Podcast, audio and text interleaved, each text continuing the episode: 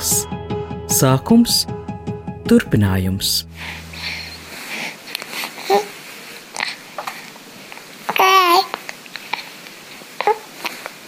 Esiet sveicināti! Šodien turpināsim ciklu iepriekšējā raidījumā jau pieteikto pētījumu, kas ir dzīve. Ieva Jurjāna šādu tēmu mākslā pieteica jau 2018. gadā, kad Latvijas Nacionālajā Mākslas muzejā bija skatāma mākslinieces sirmgalvju zīdaiņu augu putnu zīmējuma izstāde Gals un sākums. Mans vārds ir Anna Bušvica, un šī ieraksta tapšanas brīdī viesojos darbu glabātuvē Rīgas centrā netālu no Mākslas muzeja.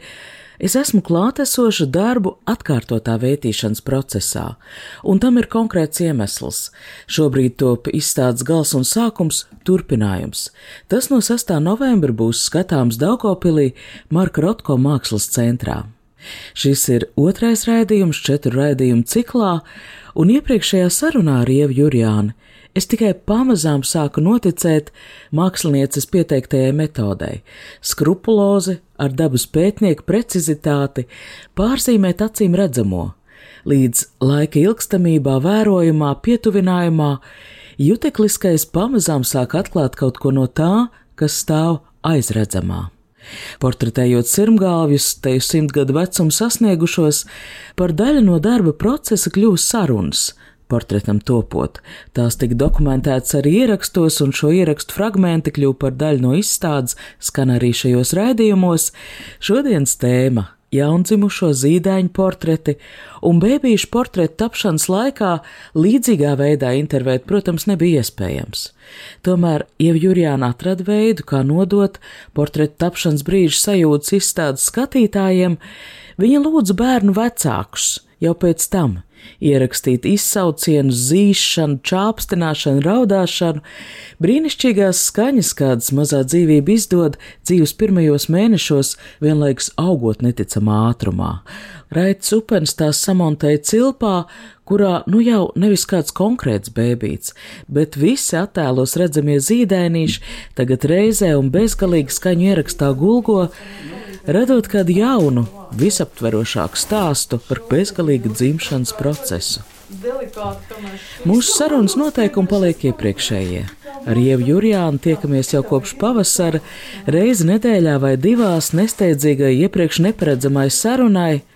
Runājot par kādu konkrētu portretu vai zīmējumu, tas arī tiek izvilkts no kaudzes un sarunas brīdī ir mūsu acu priekšā. Un man jāatzīst, ka arī Katrā tikšanās reizē sarunas sadaļā sajūta, ieejot telpā, atšķiras. Pirms nedēļas mēs runājām par sirmgalviem. Divmetrīgi portreti tik lieli, ka portretētie uz mani nolūkojās it kā no augšas, tikuši augstāk pēc dzīvē paveiktā, tālāk pēc nodzīvotā mūža nogriežņa, Šobrīd, ienākot darbnīcā, telpā ir bēbīšu bildes, apaļos rāmjos kā burbuļi, portretēto pozas ir negaidītas, atbrīvotas, un arī manī rada barokāla augšuptiecības, nenoteiktības un arī lielu gaišumu sajūtu.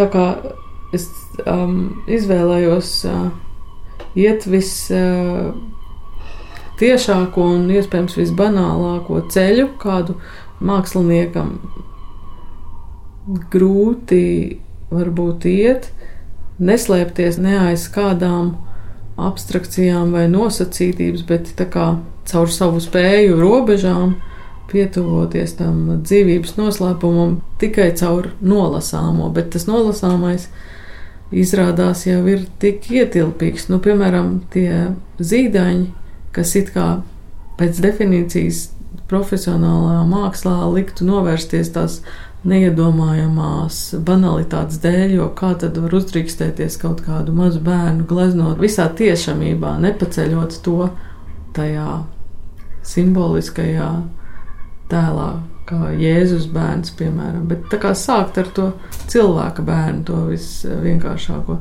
Bet jau tas cilvēka bērns slēpj sevī tik ārprātīgi noslēpumu, kā var tumsā un mātes miesās izveidoties kaut kas tik filigrāns un tik um, materiālā smalks, kad es uh, glaznoju tos vecos cilvēkus, tad jau ir kaut kāds kļūdas procents lielāks iespējams, kad es gleznoju tādu ādu, kurai var klāt vairākas reizes pāri un, un iegūt to vielu no miesas sajūtu, bet tam zīdainim viņam ir tā kā pergaments, tā sejiņa, un tie bērni tā kā paši to gaismu izstaro un atstaro dēļ tā, cik viņi plāni, tā materialitāte tai ādai. Un, uh, un tad, kad pieeja tik tuvu tam visam, tur vispār jebkura banalitāte atkāpjas, ja, ja vien mēs to pašu šķīstāko un labāko neuzskatām par banalitāti. Un, uh, tomēr tas fascinējošais, ka katram ir iespēja būt totāli par personību jau tik mazam. Nu, es tomēr par to esmu joprojām sajūsmā. Un, un arī tas, ka nu, mēģināt noķert to laiku, kas ir neizbēgami ārprātīgi strauji un uzrādās pie tiem bērniem ārkārtīgi strauji. Jo lielākā daļa, vai varētu teikt, gandrīz katrs no tiem zīdaiņiem izrādās, ka to pirmo savu dzīves mēnesi viņš eh, nodzīvo ar citiem matiem tas, ko es esmu uzlaznojis kā tādu tumšmati, tagad ir pilnīgi platīna blonds cilvēks, un it kā viņš attālinās no tā pirmā tēla līdz nepazīšanai.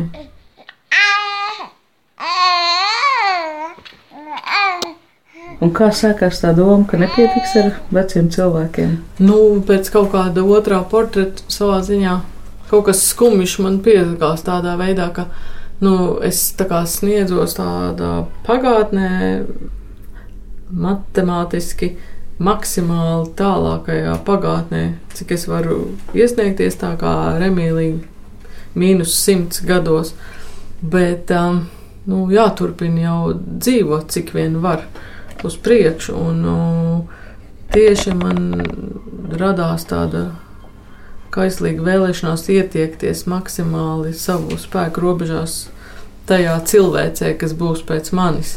Un uh, tā kā pie tiem vecajiem es tā intuitīvi meklēju tādas kvalitātes, kas man liekas pašas par sevi pārliecinošas. Pat tādā totālā vienkāršībā, bet kaut kādas tādas kvalitātes. Tad es uh, domāju, kas man varētu garantēt tās kvalitātes tajos jaundzimušajos. Un, uh, to es arī varbūt nevarēju pateikt ar pirmajiem uzreiz, bet tad man atklājās skaidrs, ka man ir tomēr jāorientējās pēc tiem uh, bērna vecākiem, jo nu, tā pāanalizējot. Un tas ir arī tas, ko, piemēram, padomju režīms centās uh, iznīcināt nu, to izcilību paudzēs, tā kā, nu, tā kā visu nogriezt un neattīstīt to, kas ir tas labākais. Bet, um, ko tā pāanalizē, tad kaut arī ir tas izteiciens, kā pie ģēniju bērniem Dievs atpūšās, tad tomēr uh, ir tādas likumsakarības, ka interesantiem cilvēkiem piedzimst arī interesanti bērni. Un uh, kaut es arī nezinu, cik tālu es varēšu izsekot tiem saviem uzgleznotajiem bērniem. Tomēr es tā paklaušināju apkārt, kuram tagad ir tūlīt jādzemdē. Un tad, ja tas bija tāds cilvēks, kas man liekas interesants, tad es pieteicos uh, uzgleznot, ja tie vecāki man atļaus.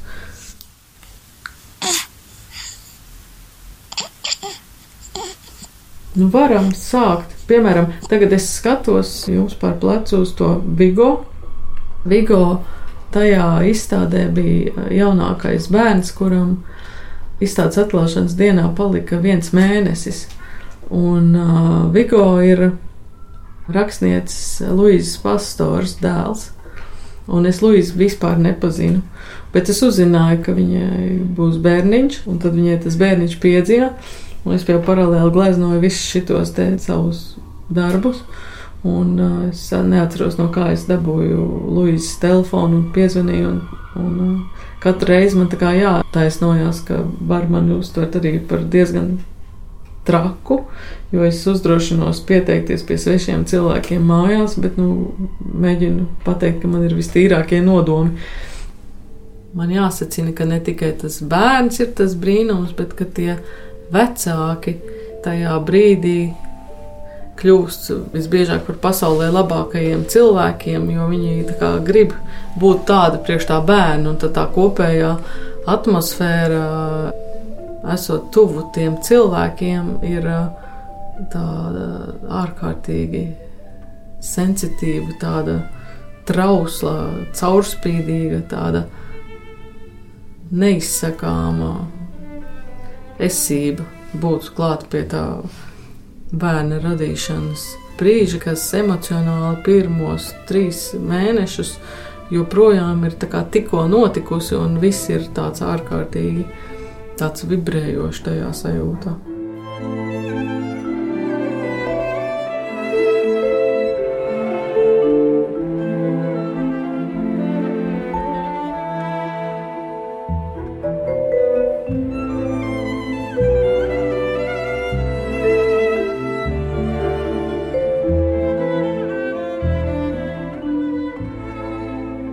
Klaus Jurijāns ir tādā pašā uzvārdā kā man. Viņš veic tādu apli, gredzenu ģimenes lokā, jo, jo viņš ir mana brāļa dēls. Un viņa sejā tagad jau viņš paudzies krietni. Kopš viņa uzgleznots, viņa sejā var lasīt arī manas mammas vaipstus, un tas ir tas apbrīnojamais un minamais, ko mēs varam tikai brīnīties par to gēnu lietu, un uh, domāt, kas nāk no senčiem un turpinās vēl aiz mums. Droši vien, ka Klauva Augusta Jurjānu sanāk satikt biežāk varbūt nekā citas bēdīšas. Nu, es viņu vakar satiku, jā. Tā saikne kaut kādā veidā saglabājas, kas ir veidojusies gleznojot.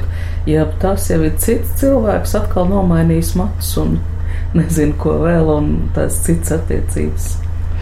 Ir tā, ka tad, kad es gleznoju, es tik ilgi skatos tajā sejā.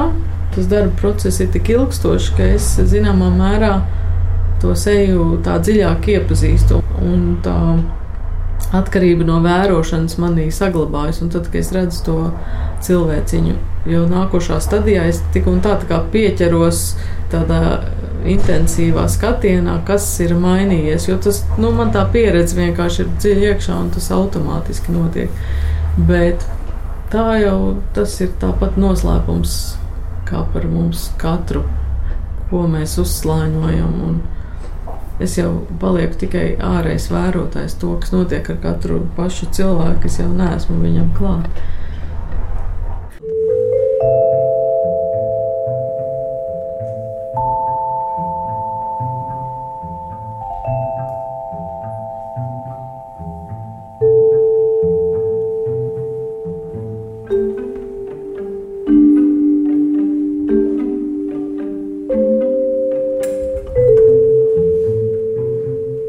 Kad tā izstādē bija jābeidzās, es iegāju tieši tajā zīdaiņa istabā, un muzejs bija pilnīgi tukšs.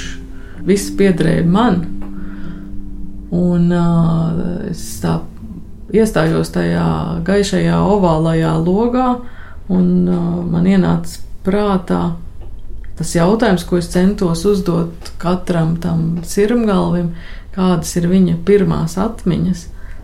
Un es domāju, nu, ja man pašai tajā brīdī man tas jautājums ienāca prātā, it kā es sev uzdodu to par tām savām pirmajām atmiņām. Un tā atmiņa ir gaisma, tāda vibrējoša gaisma. Tāda gaisma, kad iespējams tu guli rūpulī vai ratiņos ārā, un ka tā gaisma tev spīd caur tādiem ābeļu ziediem ļoti gaišs viss ir. Un tad man vienlaicīgi uzreiz ienāca prātā ar tādu iesmiešanos, ka tas jau ir tas Raņa dzējolis. Pirmā atmiņa man saule, arī pēdējā būs saule visu. Uh, vai tur bija atmiņa? Tā. Es gribēju pajautāt par Raini. No, no sarunas ar mākslinieci Džemu Skulmi portretam topot. Nu, kas jums ir tuvākais no Raina? Jā. Nu, tu zini, ar Raini ir tā, ka, redz, tā ir tā kā tāda svētā lieta ģimenē. Tā ir no bērnības, nu, no Raņa, nu tā atcerī, tās gaišas zilās acis man prātā, jo mīļas acis tā viņš skatījās, un es biju pavisam maza. Tās ir pirmās atmiņas, kuras laikam nostiprinājušās vai vecāku pastiprinātas vai to stāstu kaķis ir prātā, un nezinu, kāpēc vairāki kaķi no tā pirmā apciemojuma. Šis uh, puisīts, piemēram, Miķels Simons Zālīts, ir uh, dzēnieces Annas auziņas bērns. Un Anna bija skolniece manai mammai, viņas audzināmajā klasē Rozentāla skolā, un es Annu zinu jau kā tādu bērnu.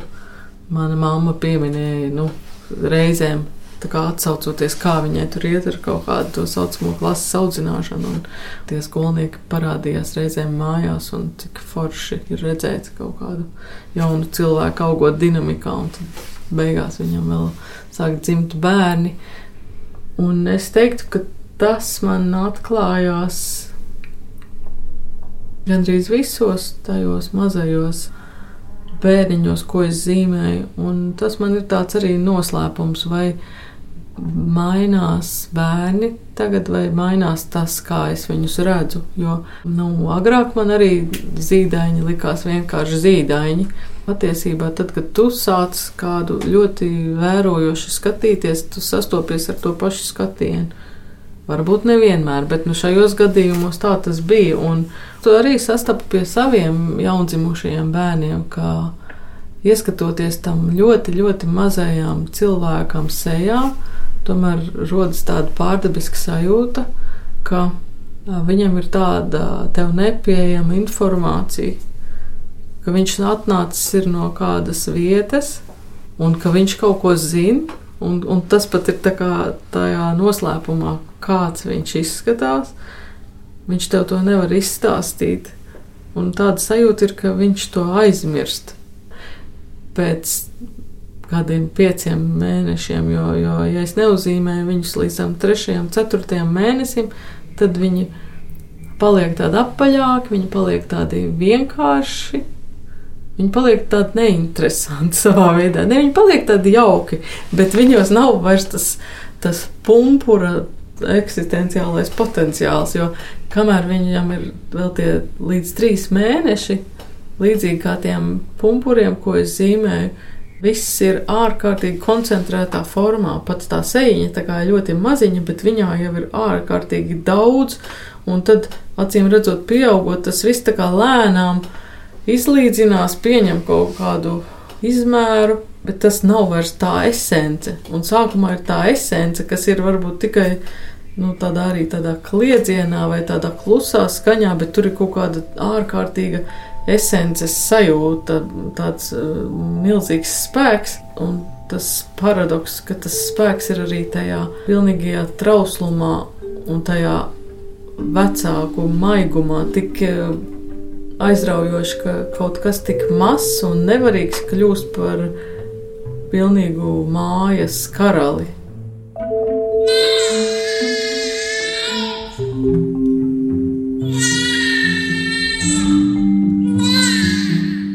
katra tā tikšanās tāda, tāda tiešām unikāla, jo arī ar šiem kusiem tā iepazīšanās jau man līdz tam bija tikai nu, tāda ļoti oficiāla. Ar šīm kusu ģimeni, piemēram, sanāca tāda pilnīgi interesants, neticams eh, rakurs, konstatējot, ka Vestarda mamma, dzēniece un skolotāja Iveta Šimkus, viņa ir no Latgales un viņa ļoti tuvu mums kaimiņos, un izrādījās, ka, kad bija izsūtīšanas, tad manējie senči bija slēpuši viņu senčus mūsu pagrabā. Un to es atklāju paralēli vēl strādājot pie Melānijas kronikas, un tā man tāda likās nu, tāda spēcīga saikne. Bet, kad es aizbraucu pie šīm kusiem, tad tā arī bija kolosāla diena, kad mēs kopā aizgājām uz mežu un uz uh, to uh, ezeru, kurā Vestards uh, lec iekšā, vai ziema vai vasara. Nu, man patika redzēt to istabu, kurā tas divi milzīgie flīģeļi vai pat trīs tur bija un iztēloties, kā tur kā tā mūzika tur dzīvo. Tā kā es esmu pat tādā ģimenē, kur nekas neatdala sadzīvi no, no mākslas, tad uh, tas ir vienkārši tāds ieliciens. Patīkams zināt, ka citiem ir mazliet savādāk, bet savā ziņā līdzīgi.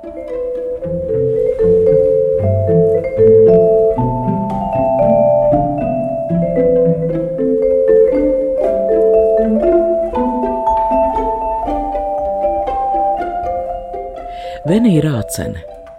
Ko tu atceries eh, vissenāko, kad tu biji vismaziņākā? Pirmās atmiņas ir kaut kādas tādas. Oi, nu tas jau bija ar to veco istabu, ka biju bērns. Visjaukākās, vai tādas žēlīgas. Žēlīgas arī ļoti labi.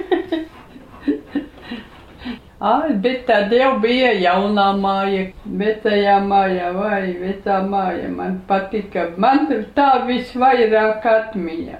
Tas salmu jumts un tur liela tā, viena tā istaba liela, liels galds, soli gar malām, vecā tēva gulta Gāniņam tur bija un darba istaba. Tur visi, ka vakaros, tā gaidījām vakaros, kad visi būs kopā ar veco māti. Ā, tad guļam istabā vēl gulējām.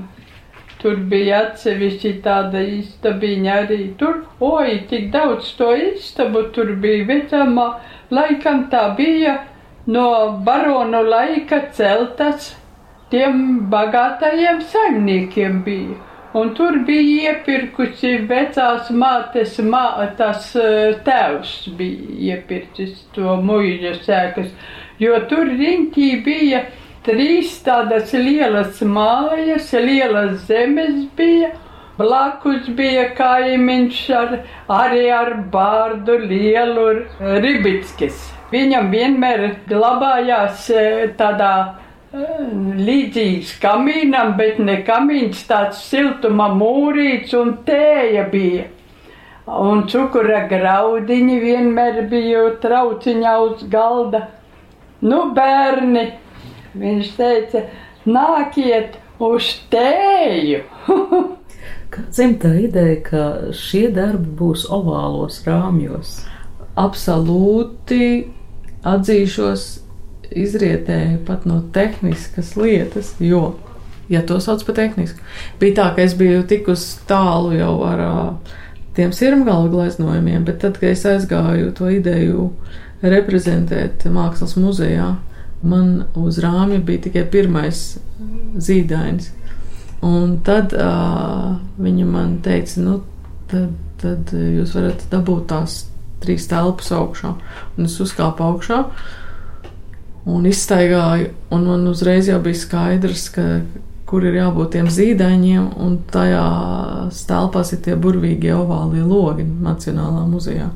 Un tad man uzreiz tur pielicis, ka tiem zīdaiņiem, jo viņi ir tik netveramā telpā vēl piedzimstot, ka viņi ir tādā tā kā olā, ka viņi ir tādā vēl nenotveramā kosmosā, un, un ka es atkārtošu to loga formu, un tad arī ir uh, tas dzimšanas efekts, jo vienmēr, nu, dzimstot tev ir tā gaisma tuneļa galā, Un atkarībā no tā, vai ārā ir rīts vai naktis, tu esi vai piedzimis vai vēl dzimsti. Man tā bija ļoti ierosinoša dzīves piedāvāt situācija. Un šobrīd ir tāds sajūta, ka es esmu starp burbuļiem, starp kaut ko gaišu, ļoti tādu dzirkstošu. Nu jā, viņiem ir tas gaišums, tas gaisīgums, tas vieglums, jo tā kā kā tie zīdaiņi kustās. Viņi jau kustās tā kā kosmonauti tajā telpā, kurā nav gravitācijas. Tā viņi kustās arī pat būdami savās tajās gultiņās. Tu redz, ka viņu tās kustības viņas vēl nav tādas nofokusētas. Un vienlaicīgi tas arī tas lielais uh, fons apkārt. Nu, tā ir tā telpa, ko viņam dzīves laikā ir jāpiepilda neizbēgami. Tu nevari palikt tajā mazajā gribēdams, tu nevari palikt tajā. Lidija Doroņina Lasmane. Nu, bērnības tas jau, tas jau visiem vienāds, gandrīz jāsaka. Tāda mīksta, pūkaina dzīve. Visi tevi mīl, un tāda jaukākais bija, ka mēs gājām rudzu laukā sauļoties. Dabūjām no tēva pērienu, ka izminam rudus. Ka ar maizīt tā nevarot rīkoties. Mums tur bija tāds sejas un sauļotams ar māsīcu, kur nomiežu Zviedrijā. Jau uzreiz jāatminās tā, tā māja. Viņa bija mežā faktiski. Nu, tur apkārt bija mājas, bet, bet mežs mums vis, visapkārt lauki un mežs. Ja tagad tur atbrauc, tad tur ir klusums liels. Nav cilvēku. Toreiz bija cilvēku kā viesi. Mēs gājām talkās viens pie otra. Nekad vien paši nerakām kartupeļus, nestādījām vietas. Vai top jaunu portretu, bērnu portretu? Jā, man tieši es šodien uzvilku papīru darbnīcā, jo es neesmu uzlikusi tieši akvarelī vienu mazo bērnu. Jo arī viss tā pandēmija sākās, un tas interesantais ir tas, ka tā ir māsiņa pirmajām zīdainītiem, kas tika uzgleznos no šiem. Un tā tad iespējams arī būs, ka izstādē būs no vienas ģimenes pirmais bērns, kas ir arī pirmais manā zīdaiņu sērijā, un viņu otrais bērns, kas piedzima pēc trīs gadiem, un tas man būs pēdējais noslēdzošais tajā sērijā. Kurš bija pirmais bērns? Pirmais bērns, maza noriņa, un viņa bija tiešām piedzimusi pirms nedēļas, un tā mamma, es viņu tik labi nepazinu, un viņa pati bija tā tāds bērns, tā māte. Tagad, kad es aizgāju zīmēt to otru bērnu, tā māte kaut vizuāli maz mainījusies, visa viņas stāja bija pilnīgi savādāka, kā viņa turēja to otro bērnu rokās un kā viņa runāja. Un, nu, tas, kā bērni izmaina savus uh, vecākus, savas mātes un, un, un kā notiek tā nobriešana, nu, tas ir tā skaisti to redzēt caur konkrētiem cilvēkiem, tādā dinamikā. Ja atgriežamies pie idejas, ka šis ir pētījums, kādi secinājumi, kādi kopsavilkumi pēc tās zīdaiņa gleznošanas sērijas? Secinājumi ir īstenībā tādi, ka šāds um, projekts uh, ir savā veidā nebeidzams. Tas būtu neprāts uh, ekspozīcija, kas saucas Gals un Sākums, uh, kaut kad uzskatīt par pabeigtu.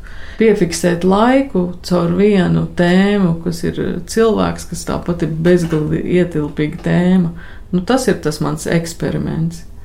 Kaut kas mainās ar to cilvēku, tā mainās ar to izstādi. Viņu, es ceru, var izvilkt uh, ik pa kaut kādiem gadiem ārā vai kādu atsevišķu darbu eksponēt, un tas iegūst kontekstu Latvijas uh, kultūra telpas nozīmē. Un arī, ja konkrēti kāds no tiem mazajiem nekļūs par uh, izcilu rakstnieku vai politiķi, tiešām mans absolūtais uzskats ne ir tāds, ka savu cieņu un vietu ir pelnījis pilnīgi katrs cilvēks, un viņu var ielikt zelta rāmī arī blakus to, kas rēgojās katrā televīzijas pārraidē, un arī to, kam tu pabrauc garām, un viņš uz lauka ar kolosālu traktoru. Ar, nu, vienkārši tas, kurš dara to, kas viņu piepilda, ir laimīgs cilvēks zelta rāmī un viss.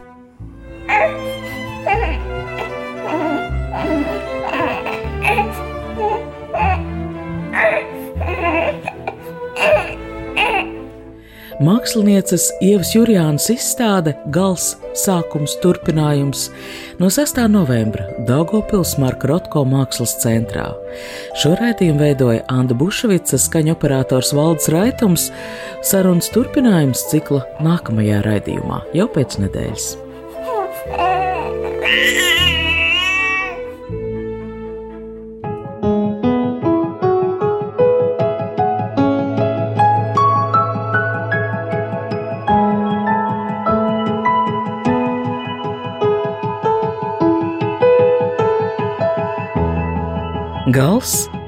sākums, turpinājums.